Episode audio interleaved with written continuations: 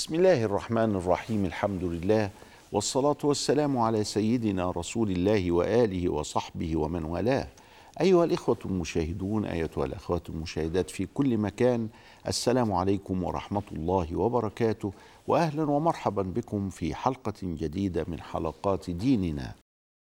تكلمنا كيف نجعل القرآن كتاب هداية وأن هذا هو المقصود الأهم في حقيقة الأمر.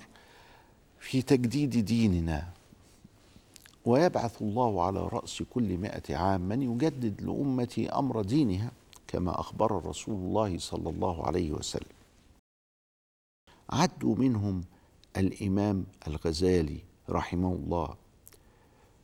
وعندما ألف الغزالي كتابه الماتع الذي يتكلم عن العبادات والمعاملات من ناحية ويتكلم عن التخلية والتحلية من ناحية أخرى تخلية القلب من القبيح وتحلية القلب بكل صحيح جعل له عنوانا يشير إلى هذا إحياء علوم الدين. وكأن علوم الدين قد أصابها الفتور حينئذ في القرن الخامس الهجري وهو مات في أوائل السادس 505 هجرية. وأنه ينبغي علينا أن نحيي هذه العلوم مرة أخرى. وأن نبني حضارة ألف هذا الكتاب وهو يبني الإنسان في الهجمة الصليبية الشرسة وكانوا قد احتلوا القدس. وعندما من الله علي بزيارة القدس الشريف افتتحت هناك كرسي لدراسة تراث الغزالي. الذي كتب إحياءه في المسجد الأقصى تحت الاحتلال الصليبي. لم يترك المسلمون القدس كما أراد هؤلاء أن نتركها. ذهبوا وكان هناك من العلماء في الشام من يذهب إليها دوريا من أجل إحياء هذا المعنى فيها. ولكن من أجل أن نحول القرآن إلى كتاب هداية وأن نحيي هذه العلوم ينبغي علينا أن نقف وقفة جادة. رأينا مشايخنا قد وقفوها وأوصونا بها. هذه الوقفة الجادة هي قضية الناسخ والمنسوخ. الذي هو مكتوب في كتب الأولين هو أن هناك نسخ تلاوة وهناك نسخ حكم. وأن هذا يحدث عندنا أربعة أصناف. فهناك منسوخ التلاوة والحكم وهناك منسوخ التلاوة وليس الحكم وهناك منسوخ الحكم وليس التلاوة وهناك ما هو لا منسوخ التلاوة ولا منسوخ الحكم وهو المحكم كما يقولون. ذكرنا قبل ذلك أن كل القرآن محكم. ونقول الآن أنه ليس هناك نسخ تلاوة على الإطلاق. ذهب إلى ذلك الشيخ عبد الله الغماري شيخنا رحمه الله تعالى فألف كتابا ماتعا صغيرا اسمه ذوق الحلاوة بامتناع نسخ التلاوة. وأن الأخبار الواردة إنما هي أخبار آحاد لا يلتفت إليها في هذا الأمر الخطير وأنه أين هذا المنسوخ؟ وأن المنسوخ المنسوب إنما هو في غاية الركاكة والسماجة والسخافة ولا يمكن أن يكون هذا قرآنا لأنه ليس على نمط القرآن. وبعضه إنما هو في الحقيقة حديث نبوي. هناك ما هو سمج وهناك ما هو حديث نبوي وليس قرآنا إطلاقا. نعم هو غاية في البلاغة إلا أنه هناك فارقا كبيرا ما بين إلا أن هناك فارقا كبيرا بين كلام سيدنا الرسول صلى الله عليه وسلم والقرآن. وهذا من معجزات القرآن أن كلام النبي مختلف. وليس هناك على وجه الأرض من يستطيع أن يكون له مستويين من الكلام. مستوى إنما الأعمال بالنيات وإنما لكل امرئ ما نوى.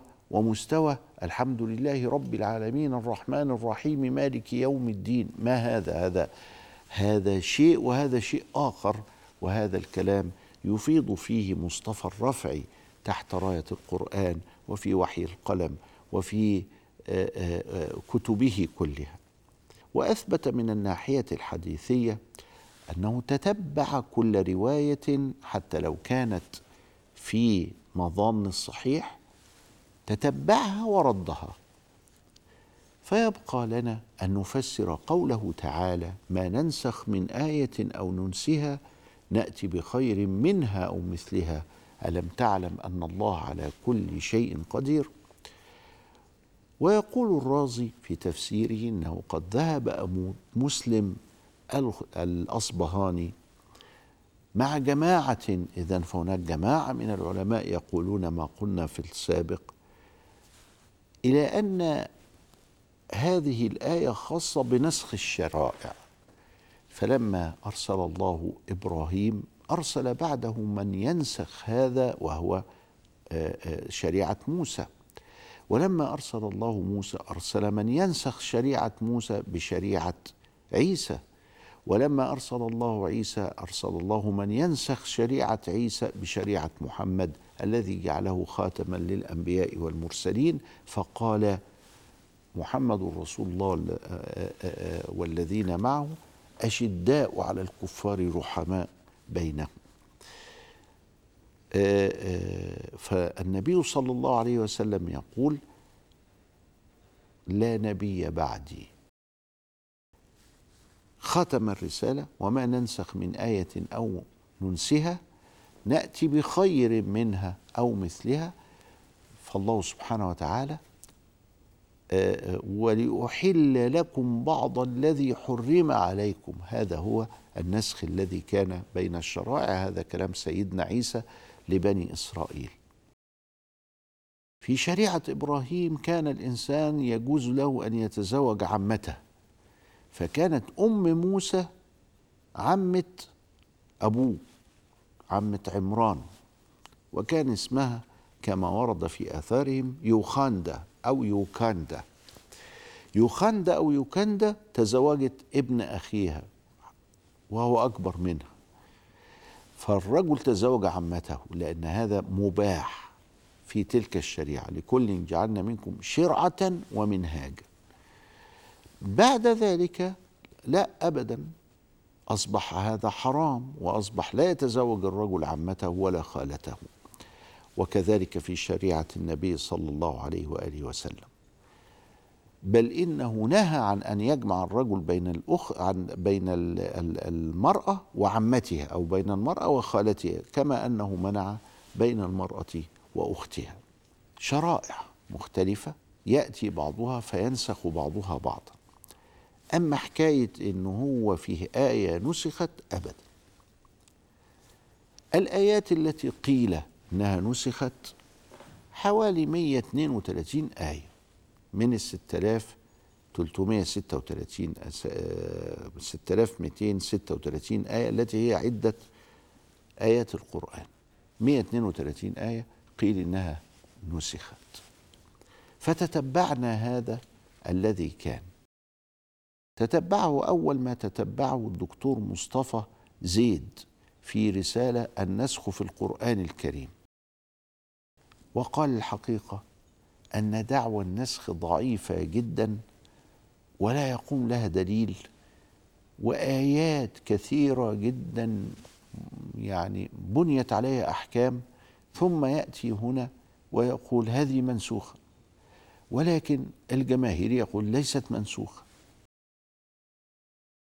تتبع هذه ال 130 آية 132 فوجد أنه كلها إلا تسع آيات. قال أنا التسع آيات دول أنا أظن أنهم منسوخين. لأني أرى أنه أحكامهم يعني لم تعد موجودة أو أحكام أو لم أفهم ما هذا يعني فالحقيقة جه الأستاذ عبد المتعالي الجبري ومسك ال 130 كلهم وتتبعهم. وأثبت أنه لا نسخ في القرآن حتى في التسعة.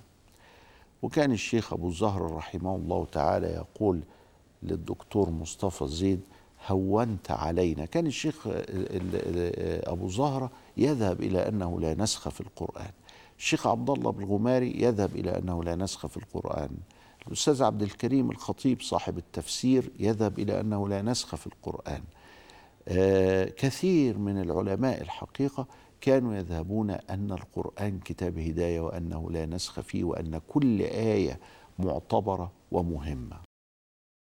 مثلا نضرب مثال لبعض الآيات التي يقال إنها نسخت وهي ليست منسوخة. الآن خفف الله عنكم. هذا ليس نسخ هذا كلام أن الله سبحانه وتعالى جعل أني لابد أن أقاتل عشرون صابرون يغلبوا مئتين. يبقى الواحد بعشرة. طيب أنا الواحد بعشرة تقل عليا الكلام إن أنا أقاتل عشرة. معنى إيه؟ ده ده الحد الأعلى.